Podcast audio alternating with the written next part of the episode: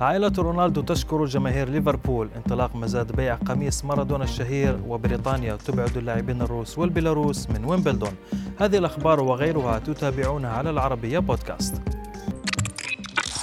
بعد الخسارة الكبيرة ليونايتد أمام ليفربول لاحظت الجماهير المتابعة غياب لاعبي مانشستر عن منصات التواصل الاجتماعي ولو للاعتذار عن الهزيمة الكبيرة على عكس حضورهم القوي عقب الفوز على نورويتش سيتي قبل أربعة أيام حيث نشر اللاعبون صورا ومقاطع فيديو يحتفلون بالفوز الصعب أمام الفريق الذي يحتل المركز الأخير في الدوري.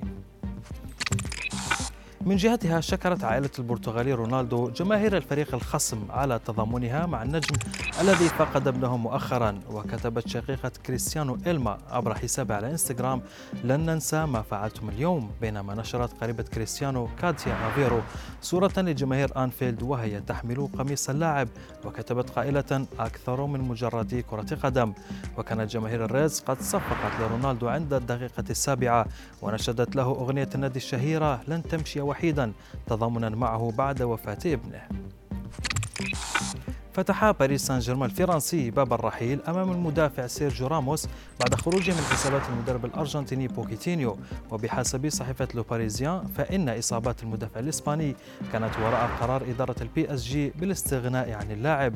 ويمتد عقد قائد ريال مدريد السابق مع باريس لغاية صيف 2023 لكن المدير الرياضي ليوناردو يسعى لفسخه بالتراضي في الصيف المقبل.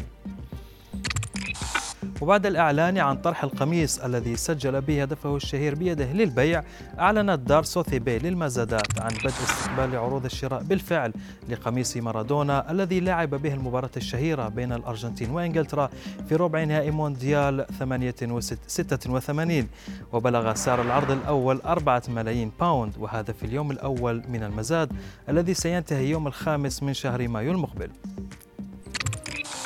وفي عالم الكرة الصفراء قررت إدارة ويمبلدون ثالث بطولة الجراند سلام منع اللاعبين الروس والبيلاروس من المشاركة في المسابقة المقرر إقامتها شهر يونيو المقبل.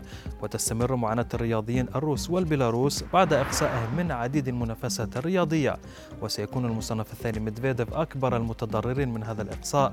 ومعه المصنف الرابع عالميا البيلاروسية أرينا سابالينكا.